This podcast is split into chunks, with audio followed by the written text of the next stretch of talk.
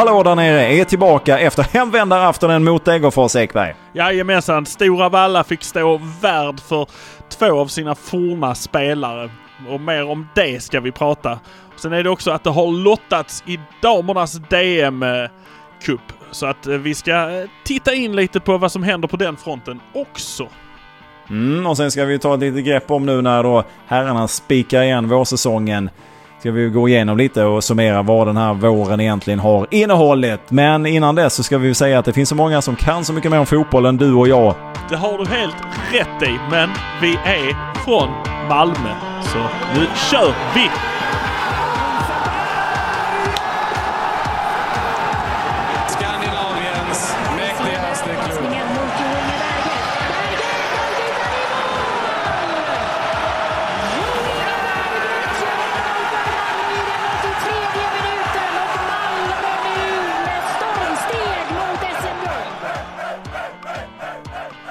Ja, I söndag så spelar då Malmös herrar den sista vårmatchen. Skulle man lyckas sätta en krona på eh, verket eh, från torsdagen då man plockade hem kuppen. Och ja, det lyckades man med Ekberg. Ja, man gjorde verkligen det och det var ju den hemvändande sonen som har spelat där sedan barnsben som kände till varenda liten tuva och varenda liten målstolpe. Som drog in ett eh, halvfjasigt skott faktiskt i första halvlek. Det var... Eh, och sen eh, drog han till ett till. Han gjorde alltså mål i minut nummer fyra och i minut nummer 44. Eh, jag vet inte, det, Starkt det, jobbat, starkt det, jobbat. det har någonting. Man får att lägga, man- får lägga ihop de att siffrorna. man bara har en massa fyror i det där. Men, eh, men 2-0 blev Ja. det i alla fall till slut. Eh, det var ett Malmö som kom från cupfinalen och ändå ställde upp med ett starkt lag tyckte jag. Ja, det får man väl säga. Men det är också, jag håller med dig, det första målet här, det ser ut som han har all tid i världen. Det känns som allting går i slow motion lite grann. För att han står ju väldigt still, får bollen och drar till den. Men det, han drar inte till den, vad det ser ut som är, särskilt hårt eller med kraft. Utan den pong säger det och så, studs, eh, så går den liksom in i en fin båge. Men det känns ju liksom som att alla borde kunna ha sett den och stoppat den. Betydligt hårdare skott har eh, blockats under våren här än det. Ja, det kändes som Ismail skulle kunna springa ner från sitt mål och plocka den innan den gick över mållinjen. Men eh, jag räknar också där precis när han liksom i skottögonblicket drar den där så står det nio Degerforsare i straffområdet plus ett par Malmöspelare. Jag vet inte om det var det som gjorde att det liksom det blev så eh, svårt att se den för målvakten. Men, men det jag vill komma in på där, nio, varför var det då nio Degerforsare efter tre minuter i sitt eget straffområde? Jo, det var för att vi hade en Knudsen-hörna kan vi väl kalla det. För det var ett av hans inkast. Det var den här... Vi, eller jag har i alla fall framförallt efterlyst lite variation i det här anfallsspelet. För det är samma hela tiden. Man går på de här långa inläggen eller så går man liksom och försöker dutta, dutta, dutta, dutta. Nu kommer det ju ett nytt litet, litet grepp här eh, som vi har sett många, många gånger förr men som kanske hade glömts bort lite grann. Hur jäkla långt han kastar. Alltså han kastar ju ner till andra stolpen. Och han kastar från höger och han kastar från vänster. Det är liksom... Det är en helt annan precision. Det är, de, hans inkast är ju bättre och med mer precision än vad eh, till exempel Birmas hörnor är. Eh, faktiskt. Ja, men jag hade önskat att han kunde kommit tillbaka lite tidigare. Det var ju Knutsens första då efter eh, skadan. Eh, hade jag önskat, för nu, nu hinner ju de andra lagen ställa in sig bara. Ah, nu är han tillbaka, nu måste vi träna på detta igen. Kom ihåg, det var ett jädra liv om det var förra säsongen då. När folk ja ah, det är så orättvist, det är lite tråkigt att han gör den hela tiden. Ja men herregud vadå, det, det, det får man ju uppenbarligen göra och det var ju extremt effektivt. Så jag hoppas att man kan hitta samma effektivitet i det nu som man kunde innan han skadade. Men hur såg han ut då? Efter sin skada, Knudan. Ja, frisk och fräsch tyckte jag. Eh, spelsugen framförallt ju så att han, det var ju lite kosläpp på honom där. Så nej men det, det ser faktiskt det ser, det ser superfint ut. Och, och det här, det är ju inte bara ett anfallsvapen rätt upp och ner när han kastar in den liksom. När han gör inkastet. Utan det är ju det hela tiden. För att nu vet ju, alltså efter tre minuter visste försvararna att puttar vi den över sidlinjen på vår egen planhalva då är det ju nästan som att de har hörna ändå. Alltså de kan inte riktigt... Det blir, ingen, det blir inget bra alternativ för dem att dra den så. alltså, då, då måste de dra den lite mer in i banan och då får ju Malmö den i... Eller då står ju eh, Dennis där eller Lasse och fångar upp den och sen så startar de igen ganska så omgående. Så de hinner liksom inte riktigt hämta andan där med att slå den långt ut på läktaren. Eh, och så ska det komma liksom en liten dutte Eh, eller eh, Felix Beijmo i nacken på Reiks inkast liksom. Det, det blir ju inte så att man kan börja trycka ut Malmö. För då trycker de ju ut Malmö igen. Ut över kanten. Och sen trycker man ut Malmö mot sidlinjen så att de får börja dutta. Och sen börja jobba sig inåt.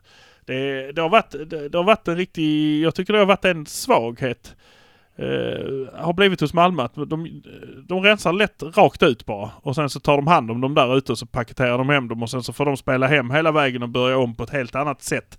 Mot ett mycket mer samlat försvar. Nu blir det istället ett nio man i straffområdet som sagt och så en tjongeboll iväg. Och sen kommer den igen. Och det, nej det...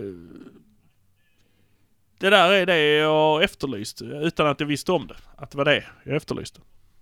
Ja, hur många andra backar kan du på rak arm räkna upp som påverkar anfallsspelet så mycket i ett lag? Eh, ja, det skulle... Skulle...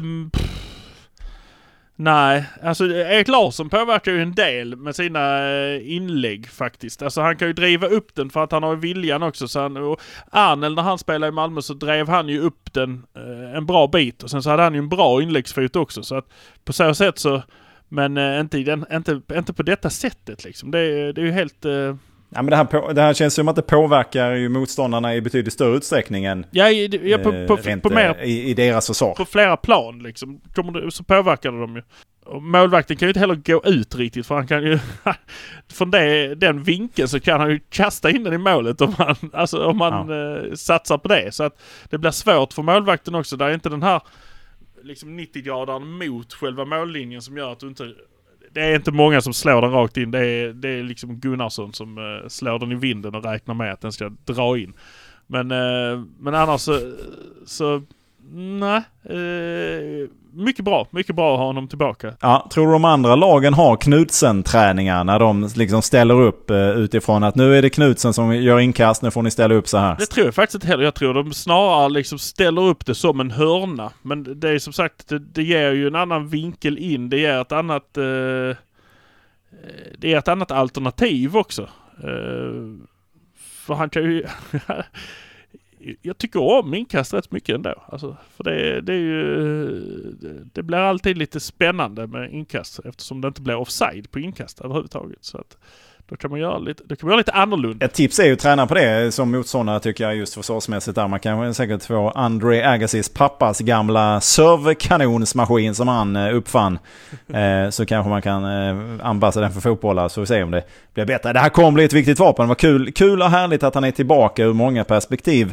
Men vad säger du om inställningen och resten av matchen då? Ja men man ville mycket och eh, Isak Kiese hade en del chanser. Eh, det får man väl ändå säga. Han hade några målchanser i första där. Men det, det, har, det har gått troll i hans målskytte liksom. För att han gör inte fel. Det gör han inte. Han gör, han gör ju det han ska göra. Han gör rätt. Men det är hela tiden någon jävel som lyckas liksom glida in framför eller komma precis framför eller eh, bollen i huvudet på målvakten. Eh, alltså det är bara sådana här det, marginalerna. Marginalerna har inte varit med liksom Malmö men detta kanske kan vända det nu. En trend här. Eh, du får cupmatchen, du blir cupvinnare och sen så vinner du den här och Ola får göra två mål på sitt lag liksom. Matchen var, när, du, när vi gick till halvtid så, så sa jag det att det här är ju fan AIK-matchen exakt igen. Ett snabbt mål efter tre minuter och mm. sen så ett mål precis innan paus.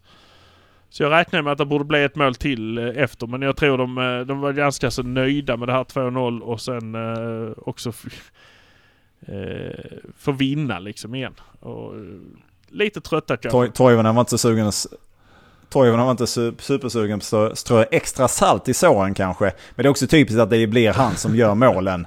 Det, det är klart, nu förstår jag, han firar ju inte direkt när han gjorde mål. Men han var ju så glad ändå över just ur, på grund av den svackan som MFF har varit i. Nu hamnar man ju i läget här att man plockade hem kuppen och man tog den här sista då. Eh, eh, och det var ju många som tänkte, ja hade inte detta blivit så som det blev nu så hade kanske Milos fått gå. Jag säger ju ändå att han borde sitta kvar för att jag undrar fortfarande, vem hade ni tänkt skulle ta över om man hade lämnat Milos? Oberoende av ifall vi hade förlorat kuppen och den här matchen och tappat poängen i den här matchen så vet jag inte. Vet vem, vem, hade de skulle, vem är de ska sätta in i så fall? Nej, då får man ju hämta eh, någon. Eh, Ole Gunnar, jag vet inte vad han gör. Solkär.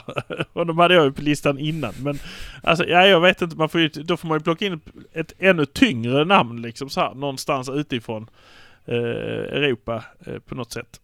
Ehm. Ja, nej, och det, där, där är vi ju inte. Och det, det, nu är vi ju inte där. Nu blev det inte så. Det var ju gött att vi kunde vända på trenden här och få lite vinster på slutet. Men jag tycker ändå det blev så oerhört konstigt när man gjort den här rekryteringen och sen att man hamnar i den här svackan. För det är ju inget snack om att det var en svacka och insatsen med Djurgården var ju inte rolig på något sätt. Men eh, att man skulle hamna i det snacket ut efter det programmet så som det har varit. Så eh, tycker jag inte det är så, eh, jag tycker inte det är så jättemärkligt egentligen. Vi ska börja prata lite om hur våren egentligen har varit här Ekberg. Det blev ju kanske inte riktigt så som vi hade tänkt. När vi satt i januari, februari och började diskutera poäng till höger och vänster och Berget eh, uttryckte ditt och datt.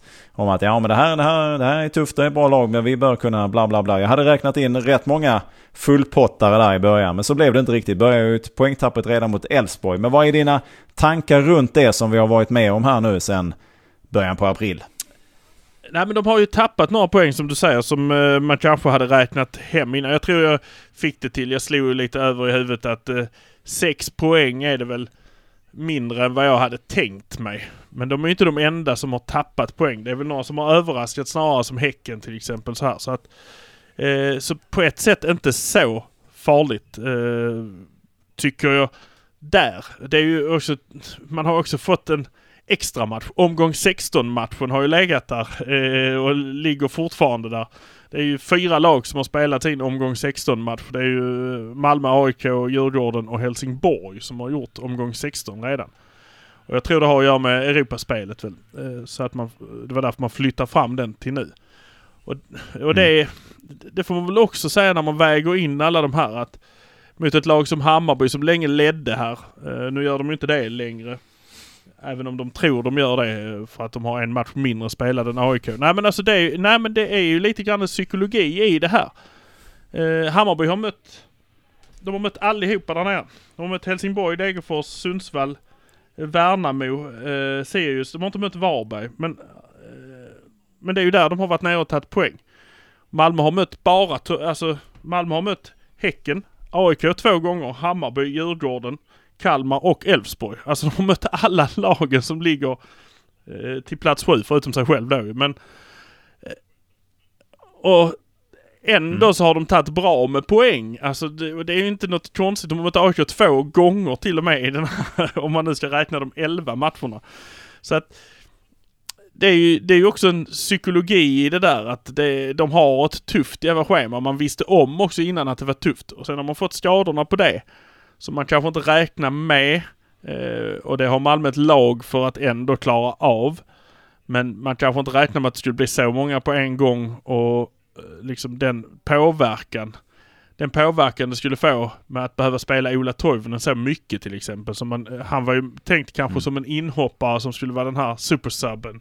Snarare än att han skulle vara startspelaren som var den som röjde, i, röjde hela tiden. Eh, det, det, har väl kanske varit skillnaden att man då har fått spela ett gäng matcher. Tre matcher uppe i Stockholm mm, på de underlagen som är där. Värnamo-matchen var ju någon hel, den kom ju som en hel överraskning för dem kändes det som.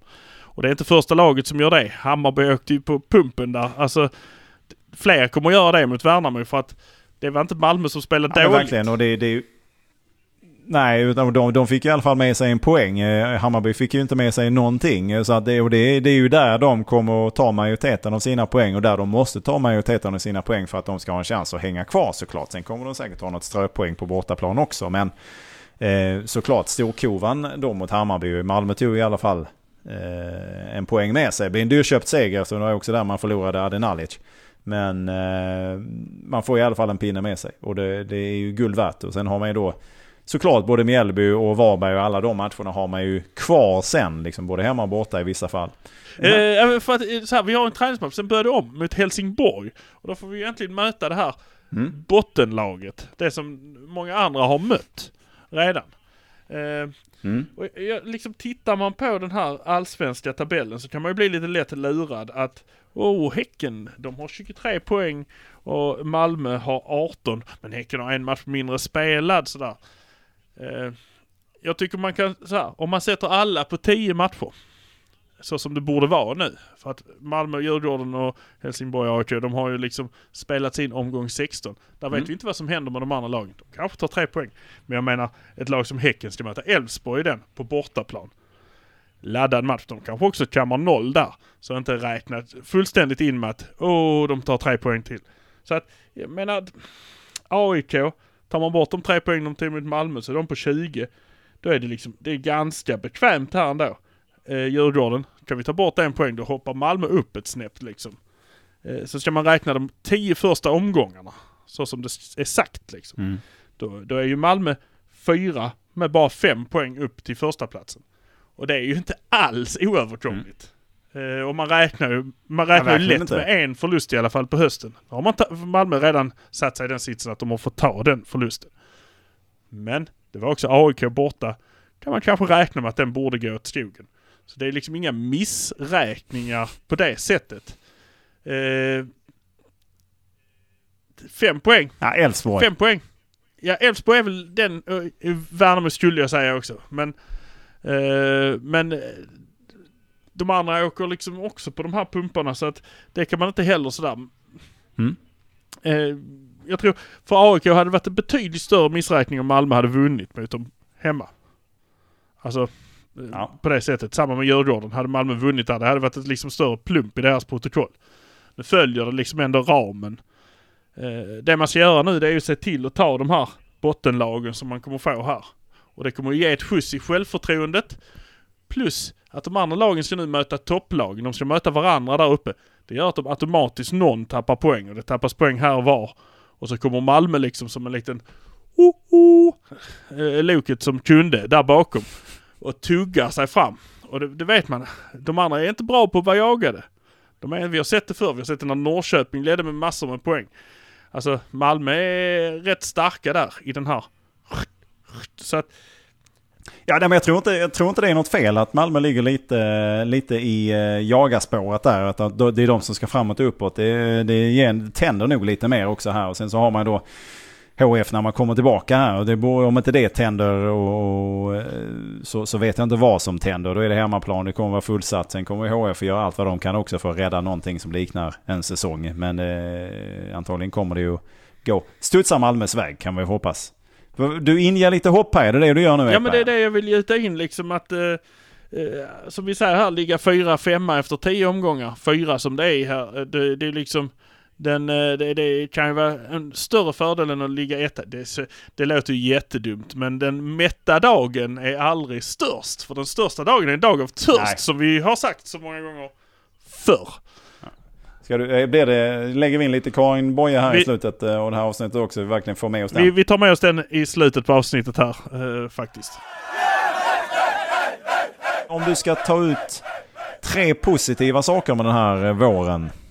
Vad säger du då? Ja men det är ju att vi faktiskt har ett fruktansvärt bra försvar. Även om vi släppte in fyra mot Djurgården så var det mer en miss i arbetet kanske än, eh, än, än något annat. Men fram till AIK-matchen hade de släppt in ett mål eller något sånt. AIK blir ett självmål och ett straffmål. Det är ingenting heller som liksom ska falla så mycket skam på det. Eh, och sen kommer Djurgårdsmatchen men eh, och sen, börjar, sen är det liksom despera, lite desperat när man tittar i matchen mot Häcken. Att man, man måste fram, man måste göra mål, man måste liksom vinna den matchen. Och då släpper man det lite grann bakåt också. Men det, men det är det. Det är försvaret tycker jag är en av de punkterna som eh, eh, när vi har hela vår backlinje och eh, ja, nu båda målvakterna har ju växt upp här nu så att eh, eh och vi har kanske Rakip som storspelare, som defensiv eh, mittfältare och eh, gör inte han där så är Lewicki där kanske när han är frisk. Så definitivt, försvaret är ju strålande just nu. Beijmo eller Erik Larsson, det spelar liksom ingen roll. Nu har vi fått igång Knudsen och Martin Olsson på vänster. Det, Mm. eh, Man kan sätta in Chalus för att stänga ner för att inte släppa en jävel över bron liksom. Men jag skulle, också, skulle verkligen också vilja pusha fram att Bejmo har ju tagit enorma kliv. Det har vi ju pratat om eh, tidigare. Men alltså den utveckling som man har sett och den förmågan som han har visat under våren här har överraskat mig i alla fall. Och det måste jag sätta upp som en oerhört positiv utveckling. Ja men precis och det, det är ju det här. Det är ju... Eh, men det ligger väl i hela försvaret att det är ju en... Eh, man har en eh, konkurrens där som också är både sund och hård. Så att alla blir bättre. Alla, alla, ska, alla gör sitt jobb. Så det är, väl, det är väl en av punkterna som jag, jag tycker är positiv. Det väl... sen- eh, Hugo Larsson får man väl sätta som en positiv överraskning, alltså överlag. Han kan ju gå in i vilken match som helst. Han kan starta och det är Ja. inte så att man tänker åh, pågajäveln han gör bort sig. Alltså nej, nu är det han. Alltså så man får inte ont i magen av att han tar bollen. Man blir snarare lite exalterad. Lite så, kom igen nu. Oho. Ja, nej, men det finns ju... Det finns ju andra byten som man kan göra i den truppen när man känner ah, det här blir inte bättre. Utan det här är ett litet steg nedåt. Mm. Men där har ju Hugo verkligen visat att han är ju faktiskt, ett, beroende på vem man byter med, ett, ett, ett lika stort, en li, lika bra, eller kanske till och med i vissa fall ännu lite bättre än den som man byter med. Ja men så är det ju. Eh, så är det verkligen. För jag, jag tycker han har inte, inte i någon match där han har spelat har han liksom gjort, eh, jag kan inte komma på något misstag han har gjort som har varit av större liksom dignitet. Och han driver ju på framåt. Han har ju, till, han har ju gjort liksom extremt fina eh, manövrar framåt. Så att nej, men han är helt klart ett utropstecken. Det trodde jag ju liksom inte innan. Han spelar ju den här cupmatchen eh, själaglad va? När han satt och berättade om att han spelar aldrig handboll i Ystad för att han vill inte slå kullerbyttor. Så äh, äh, äh, jättekul. Sen är väl... Eh, Sen är det väl en sån här tveeggad. Jag tycker stämningen är ju skitbra i laget. Sen Mm. och det är ju både positivt och negativt. Det kommer ju bli positivt i längden antar jag. Eh, på något sätt. Det gör ju att de, eh, de kanske inte tappar det och gräver ner sig. Ska man titta på ett lag som Real Madrid lever ju på att de, de tror på det. De, eh, de, de vet att det går emot men man kommer igen. Eh, De, ba, de maler på liksom och gör det här. De, de har liksom kanske inte övertygat alltid i spelet. Eh, Jag tror det var Messi som sa det om dem nu att de var ju verkligen inte bäst i Champions League men de vann Champions League för att de slog ut de som de mötte. Alltså Mm. för att, eh, och, och det är väl lite det Malmö, Malmö har nu också. De blir också cupmästare här. Eh, otippat egentligen på något sätt för de fick ju eh, typ allting emot sig. Eh, Två bortamatcher på Tele2 som de aldrig lyckas med annars. Eh, och det gjorde de. Så att Nej, ja, man fick ju, på vägen fick man ju slå ut alla tre Stockholmslagen. Ja, bara det är ju så jävla härligt så att eh, eh, om man gjorde det på plast helt igenom. Eh, man slog ju, alltså IP är ju också plastmatta så att eh, något bättre däremot eh, än eh, Tele2. Eh, men, eh, men dock en plastmatta. Så att eh, det får man väl ändå se som den här, det är ju den här, man tror på det på något sätt. Man tror ju även på allsvenskan fortfarande. AC sa ju till mig ganska tidigt, något jag har slått ner på lite grann men som kanske ändå i slutändan kommer visa sig vara rätt. För han, han sa ju att det, är ju- spelar vi bra? Alltså det låter dumt att säga att man spelar bra och inte vinner matcher. Och att det är bra att man spelar bra. Men i längden är det bra att vi spelar bra. alltså man kan vinna, spela dåligt och vinna och ha tur. Alltså så, men i längden, över, det är 30, alltså det är 30 matcher. Och över 30 matcher så s- spelar du bra över 30 matcher så kommer det gå till din favör till slut. Alltså det kommer vara så att på slutraden så kommer det ha varit bättre att göra det än att vinna och spela dåligt. För att det tar slut innan 30 matcher tar slut. Ja. Eh, Och det ser man ju ett ganska, ett Om ganska då- bra tecken på Hammarby. Som, eh, som helt plötsligt nu liksom tappar, de, och de spelar inte bra mot Värnamo heller. Alltså så här, de har inte spelat bra heller men de har vunnit. Det kommer ju fortsätta att de spelar på samma sätt. Eh, och, men istället kommer de förlora för de här vinsterna de har fått. Eh, så att och Malmö har sitt att de spelar ju jättebra och sen så blir det ändå inte, blir det ändå inte som det ska. Och det kommer vända. Nej. Ja, vi får hoppas. Du, du var ju lite här för något, eh, några episoder sen var du väl lite inne på att ah, men det här blir inget guld i år. Eh, det, här, det här kommer inte att lösa sig. Det är lika bra att ge upp de tankarna. Vad, vad känner du nu? När vi har då eh, bokslut på vårsäsongen. Det kommer ju krävas en del, men det, det, krävs ju fortfarande att de börjar göra mål. De här målen mot Degerfors, ja, de, den var ju där. Men det är ju också ett, det är också ett resultat av att eh, den här långsamma, långsamma bollen Toivonen slår in mellan, alltså det, det här målet. Eh, för de gör ju det och de gör ett mål till som är ett sånt här eh, skott utifrån. Det är, det är ju nästan ännu mer otroligt andra målet när han slår den ner över stolpen. Alltså så här, jag tror inte riktigt han siktar så bra. Men fler måste ju göra, alltså de andra måste ju, Kiese Thelin måste ju göra mål i en match som Degerfors. Ja. Uh, och han var, han var ju på god väg men fick liksom stoppad. Uh, och det, det, får man inte igång det då är jag fortsatt orolig och det, det gjorde liksom inte Degerfors matchen mindre. Tittar man rent tabellmässigt så är jag inte dugg orolig. Nej, det tycker jag inte är hemskt.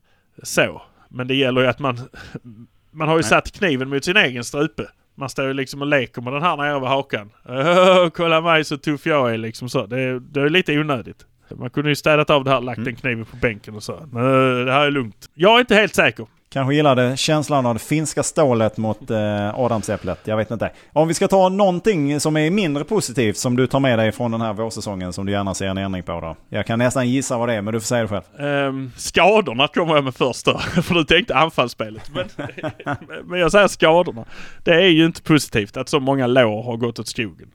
Adi Nalic, det är ju verkligen inte positivt men det var ju också en där kunde vi ju mist Erik Larsson på den eh, planen också. Eh, mm. Så det är ju det är bara rent flyt att det inte blev så. pratas ju otroligt lite om det måste jag säga. Det har hörts lite, ja det är en konstig kant där. Men det är ju inte så att man hör att oh, nu ska vi täcka den med eh, fågeldun och eh, någonting härligt, eh, kul, skoj, någonting som studsar. Att man gör någon sån här liten, precis som man har när man håller på med bygelhästar och grejer, att det är någon liten sån här foam pit som man kan hoppa ner i eh, så att man inte skadar sig för man skulle hamna snett. Det, det är kanske något sånt de borde göra där. Att de bara foamar in alltihopa så att man inte kan eh, trilla och skada sig på den. Och om man snubblar så landar man lite mjukt och försiktigt. Det är inte ett ljud om detta har jag hört. Nej, nej verkligen inte. Det är, jag tycker det är jättekonstigt. Och det, det, det, men det är väl någonting de inte heller vill liksom så här. Det, det är väl ett vapen för dem också att folk inte, att lagen ska veta om det här. De inte har det här jagandet. Ja men det, de spelar ju på ett sätt där de har ju en plan. Man pratar om att Malmö har sin hemmaborg. De har ju sin hemmaäng. Det är ju liksom, mm. De vet ju om hur dålig planen är och sen vet de hur långa killar de sätter där inne. Ja men Hammarby åkte ju på samma pump ju. De, det går ju inte. Alltså det går ju inte att spela mm, runt absolut. på det sättet. Nej. Och jaga en boll då, du gör ju inte det mer än en gång när du håller på att stuka benen av dig när du trampar utanför linjen bara. Då passar du ju dig nästa gång. Det är ju också en fara för de egna spelarna nu. Kanske de känner till detta, men vad är det som säger att de inte hamnar i en sits där de plötsligt trampar lite snett och hamnar lite utanför så är de borta. Och jag, eh, man kan säga mycket mycket om Värnamo, men de har inte den bredden på truppen så att de kan avvara hur många spelare som helst eh, på grund av dåligt eh, skick utanför banan. Nej, jag bara tycker det är superkonstigt att det, det, det verkar inte ställas några krav heller utan den har ju fått eh, dispens då antar jag för att kunna användas. För att ska vi vara helt ärliga så är det väl eh, mer eller mindre orimligt att spela fotboll på den typen av arena om man nu spelar i allsvenskan. Eh, sen förstår jag att man inte har, nu ska det väl byggas en ny arena men man har inte fått den byggd än och bla bla bla bla bla. Men! Det är ju oerhört lite snickesnack och man måste väl kunna foama in den eh, om det nu skulle vara eh, ett sånt stort problem. Och jag tycker det är märkligt att inga andra klubbar verkar eh, sätta ett frågetecken runt detta. Nej precis men eh, sen å andra sidan om de blir av med en spelare, de kanske inte har så bred trupp men det är ju bara att åka till närmsta gård och hämta en ny dräng som de kan sätta in i. Så att eh, det är ju inte som Malmö som blir av med en AC och då är det liksom, då måste man åka ut i Europa och hämta någon har eh, Värnamo övertagit Bunna-stämpeln från Kalmar FF nu i ditt, eh, i Ekbergs värld så att säga? Nej, nej, nej. De är ett gäng som har den. vi räknar in Mjällby där också. det, det, Degerfors är där också. Det är brukspojkar och drängar Oj, allihopa. Och något annat som du, mindre positivt som du gärna ser eh, ett slut på efter den här våren? Ja men det är ju att man inte gör mål. Det är ju det. Det är ju... Det måste ju in en anfallare till. En i alla fall. Kanske två. Som, är, som har lite spetskunskap. Och det diskuteras väl också. Det går ju lite rykten om eventuella potentiella spelare in. Bland annat från eh, Kalmar FF. Ja men precis. Det var ju, de har ju en eh, 20-åring där, Isak Jansson tror jag han heter, som de, eh, som de själv plockade in nu. eh, Som, eh, som valde liksom Kalmar när han var lite yngre och mer lovande. Som har ett kontrakt som går ut nu i sommar. Eh, Så han är fri att förhandla och Malmö har varit där och dratt till honom. Han är ju en, så- alltså han är ju en forward men så blir man ändå lite så. Han kan också spela vänster ytter, höger ytter, uh, offensiv uh, mittfält. Så börjar det här späs ut lite igen. Jag vill ha en klinisk anfallare, en som står och tittar, en som står Ja. kvar uppe vid straffområdet och- tittar. Varför ska jag jobba hem? Alltså en sån vill jag Få ha. hit bollen här så Ja. löser jag det. Upp med skiten. Ja. Nej men alltså vi behöver ju inte, det är inte, det är inte Magnus Erlingmark-typer vi behöver utan vi behöver ju någon som gör den den ska. Om det bara är så att stå på mållinjen och skjuta in den. Det, det, det spelar inte roll, spelar mig ingen roll så länge bollen går över mållinjen bara. Och visst, jag kan ta eh, Abubakar i mål med, med vilken kroppsdel som helst också. Men jag vill ha det mer frekvent. Jag vill kunna lita på att det kommer. Men jag, det är det, jag vill ha spetsen där. Jag vill ha den som gör bara det. Den killen, kolla så jävla snabb han är och vilken bollkontroll. Bra, honom tar vi. Han är ju, han, han är ju helt för kass i markeringsspelet hemåt. Ja, då får vi ta det då. Vi har andra som spelar där bak som får reda ut det. Oskar Lewicki löser Ja, det. ja, men alltså eller Rakip. Tillsammans. Så, så Ja. jagar de ner vilken jävel som helst. Eh, Så nej, alltså lite grann, lite skämt och lite allvar faktiskt. Jag vill ha riktig spets. Alltså riktig tung spets. Ung, tung, snabb spets. Det låter billigt Daniel Andersson. Det är bara att öppna lädret och eh, ge det ut. Eh, men det var någon annan också som ryktades om, eh, tyckte jag du nämnde innan vi slog på micken. Ja, men det är ju en kille från eh, Partisan. Eh, som heter något eh, Sasha kanske, Sasha och något eh, väldigt märkligt efternamn som heter Zielar. Jag vet inte vad han har för position men han var billig i alla fall. Fem miljoner trodde de de skulle lösa honom för. Eh, Är, det så, är det så vi shoppar? Är det så? Han var billig, han var det, ja ja ja. Är kla- Är det Ullareds eh, inställningen vi har nu för tiden när vi köper spelare? ja men bara man får tag på en tröja som inte vrider sig i tvätten så köper man hellre det där än någon annan eh, dyr eh, tjomme som bara... Titta på sådana, titta på värvningar som Edvardsen Selmani. Eh, det är liksom som att ha eh, en, dyr, dyr logga på sin tröja. Bara för att de har gjort bra i skytteligan två gånger eller vars en gång. Så är det ju inte så att, man, att de sitter bra på dig. Det, Nej, nej. nej. Jag skulle ändå vilja ha, jag skulle vilja ha Bobo Krull, det vet jag inte om du känner till, men det gör du kanske? jo då, jo då. Ja, Krull är då, för er som inte vet, det är ju en eh, tv-man av rang och eh, även känd från eh, ett radioprogram en gång i tiden som heter Pippi Rull. Men, eh, och han är ju då inslagsproducent eh, på eh, Ullared-programmet. när det kanske inte går längre, jag vet inte. Och det är han som alltid låter extremt burdus och helt ointresserad samtidigt. Han låter lite lätt hotfull när han pratar med eh, de som han frågar. Men du ska Vad har du handla." köpt då? Vad ska du med det då? Ja, vad är det du ska, vad ska du ha det då till? Ja, ja, jaha, jaha, blir det bra då? Aha. Och jag skulle vilja att Bobo Krull höll i, när MFF presenterar nyförvärv, skulle jag vilja att Bobo Krull höll i dem. Och fråga Daniel, ja, ska du ha den till då? Jaha, jaha, jaha, mhm, ja, vad kostar den då? Jaha, jaha, blir det bra? Jaha. Ja, det skulle vara fantastiskt.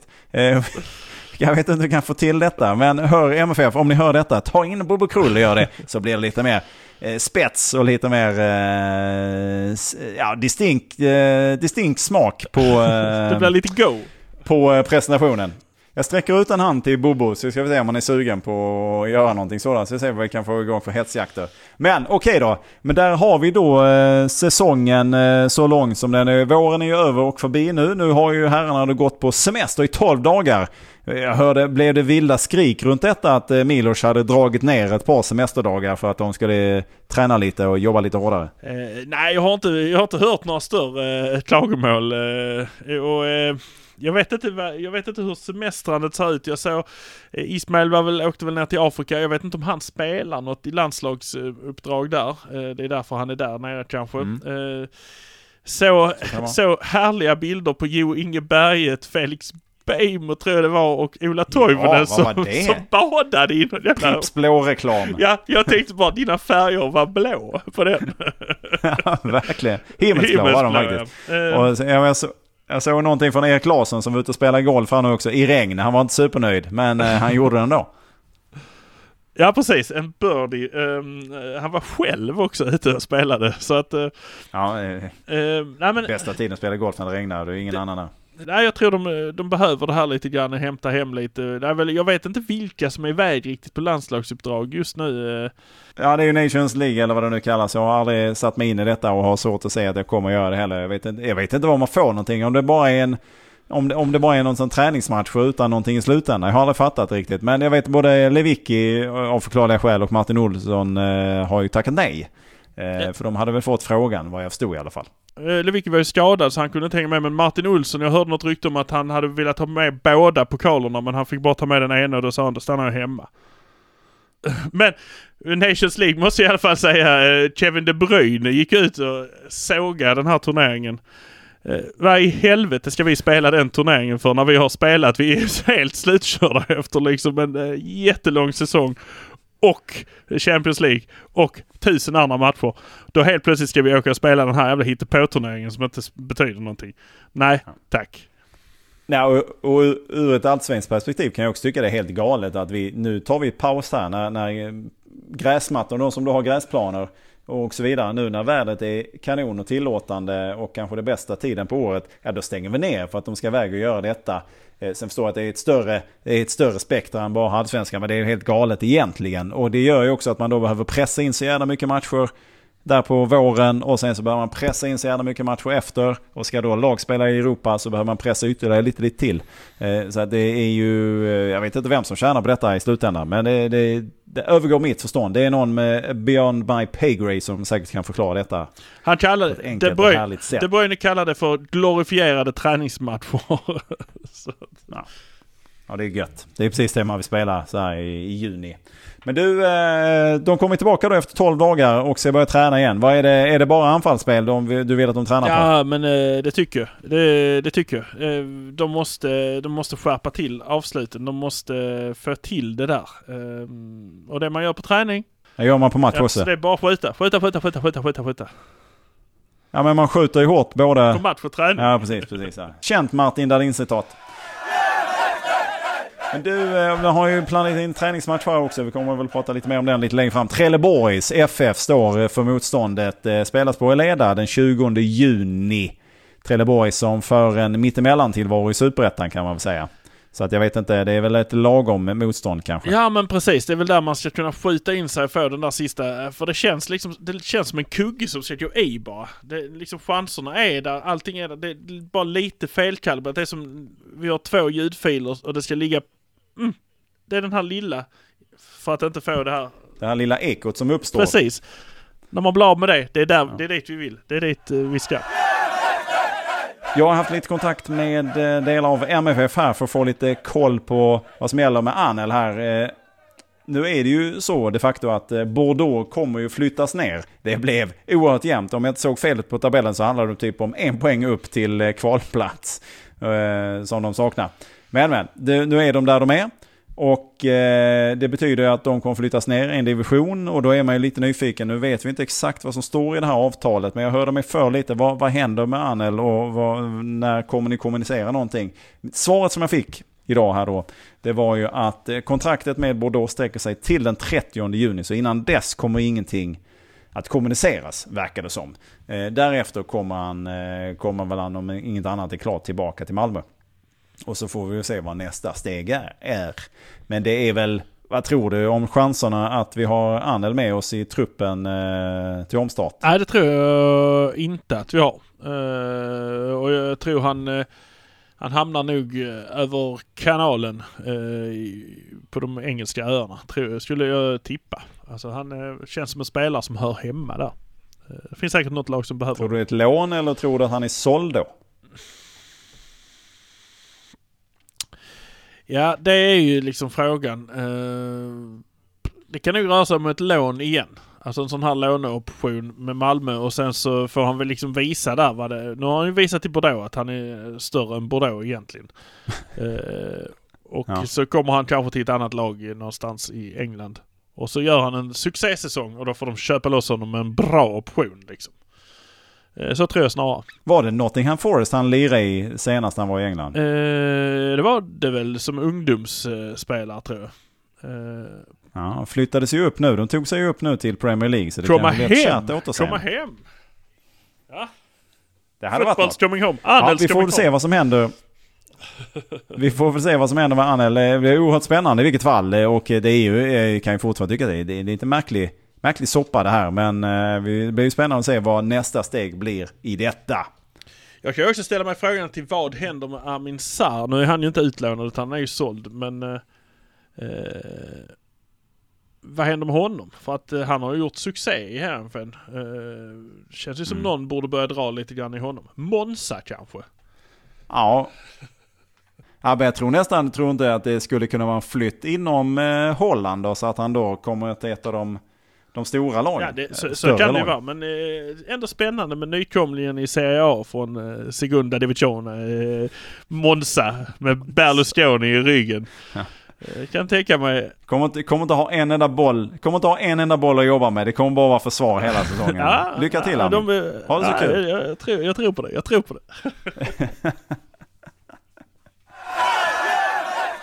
Herrarna har semester, damerna har det icke. Lördag 4 juni tar man emot Janstorp Ekberg. Ja, och det är väl ett eh, lite mellanlag i division 2 här som jag har förstått det. Och Han ligger sexa så här långt. Ja.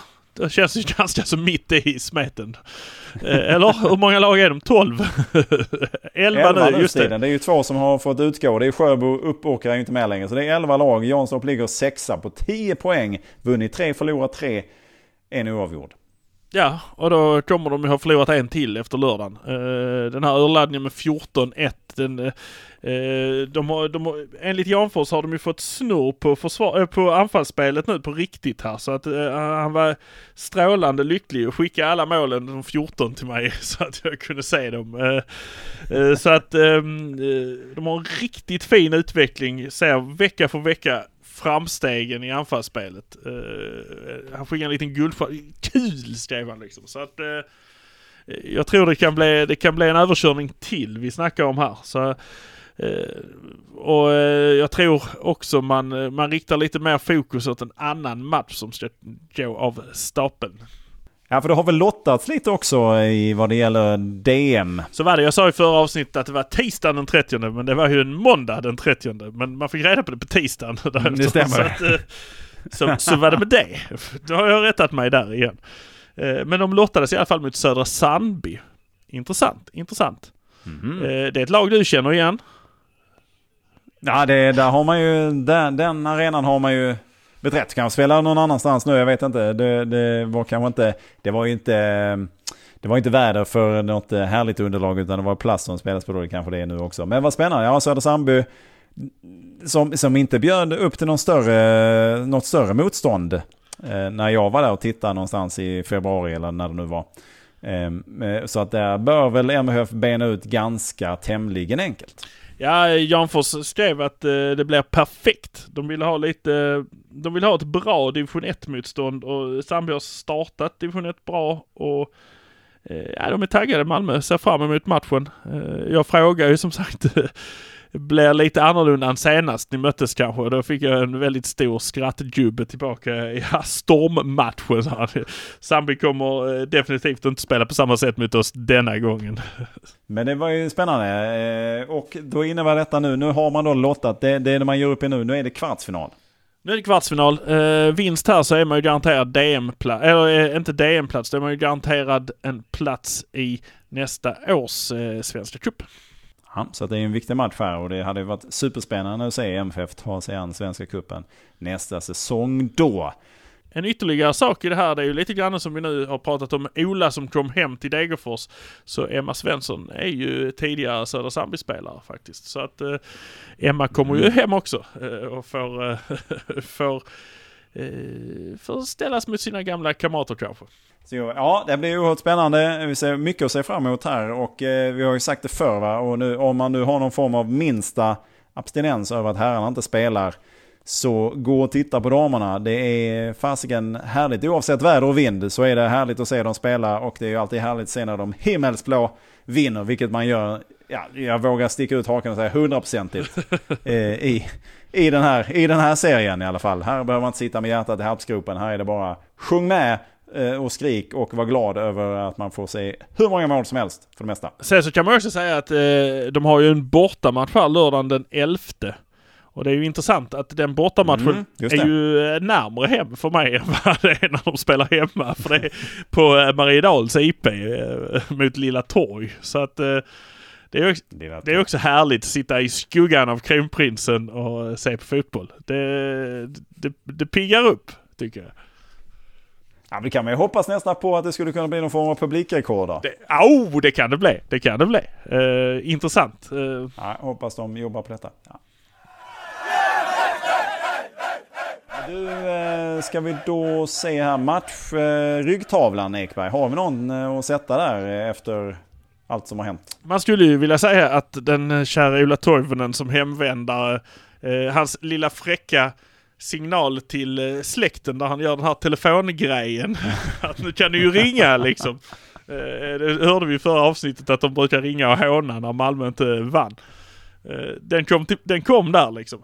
Det skulle man kunna tro att det är, gör ryggtavlan, men det gör det ju inte såklart. Utan det gör ju Jonas Knudsen, ska ju ha den som är tillbaka. Den knuden. Ja, det, Efter så här lång tid är det roligt att han är tillbaka. Det är klart han ska ha den. Jag kan ju också ställa mig frågan till varför Ola Toivonen svarar när de hör av sig. För att han måste ju förstå att ja, men nu ringer han eller hon och nu måste det ju handla om det. Då hade man bara tryckt bort det och sagt kan jag ringa upp en stund? Sen hade man inte gjort det. Men det är ju som så att Ola ställer ju faktiskt upp. Trots att han kanske är tvär och eh, så här så ställer han ju faktiskt upp. Mm, ska vi ta en kik i maratontabellen också då? Då ska vi ta en lite mer utförlig kik i den här maratontabellen. Gud, han har skrivit ut papper den här gången. Herregud, det här kommer ta en Ja, stund. liksom, Luta er tillbaka, bara njut. du, du ser, det har skrivits, det har räknats. Gud vad han har skrivit. Eh, alltså, man vill ju bara säga som så här, man börjar, alltså eh, topp 5-lagen här är ju Elfsborg, Norrköping, AIK, Göteborg och Malmö i stigande liksom ordning här. Eh, Elfsborg som ligger femma i maratontabellen, de ligger nu mer 890 poäng efter Malmö FF. Det betyder alltså att om Malmö FF hamnar i Superettan i 15 säsonger och Elfsborg vinner, super, eller vinner allsvenskan 15 säsonger på det poängen man brukar ha där, 60 poäng. Det är liksom, då är de i kapp. Det är 15 säsonger bort och och då ska allting, då ska stjärnorna stå helt rätt. Eh, tror inte det kommer hända. Jag tror vi kan ha kvar den här punkten länge, länge, länge i den här podden innan vi behöver ändra den. Eh, IFK Norrköping Den kommer överleva både dig och Ja, mig. IFK Norrköping. De har ju också tappat mot Malmö. Nu är de 618 poäng efter. Eh, de har tappat 4 poäng mot Malmö och Elfsborg har tappat eh, 3 poäng. AIK däremot, de är de enda som har eh, dratt iväg med två poäng eh, faktiskt. De har inte ens en gång räknat med omgång 16 matcher så har de ändå två upp på Malmö den här säsongen. Eh, men de ligger ändå fortfarande otroliga 177 poäng efter. Sen kommer IFK Göteborg som har tappat fyra poäng mot Malmö. Ligger på 147 poäng efter. Däremellan IFK Göteborg och AIK, där är det lite spännande. Ska AIK kunna liksom någon gång inom en ganska när fram, alltså inom tre år kanske, gå om? För det skiljer ju ändå 30 poäng emellan dem.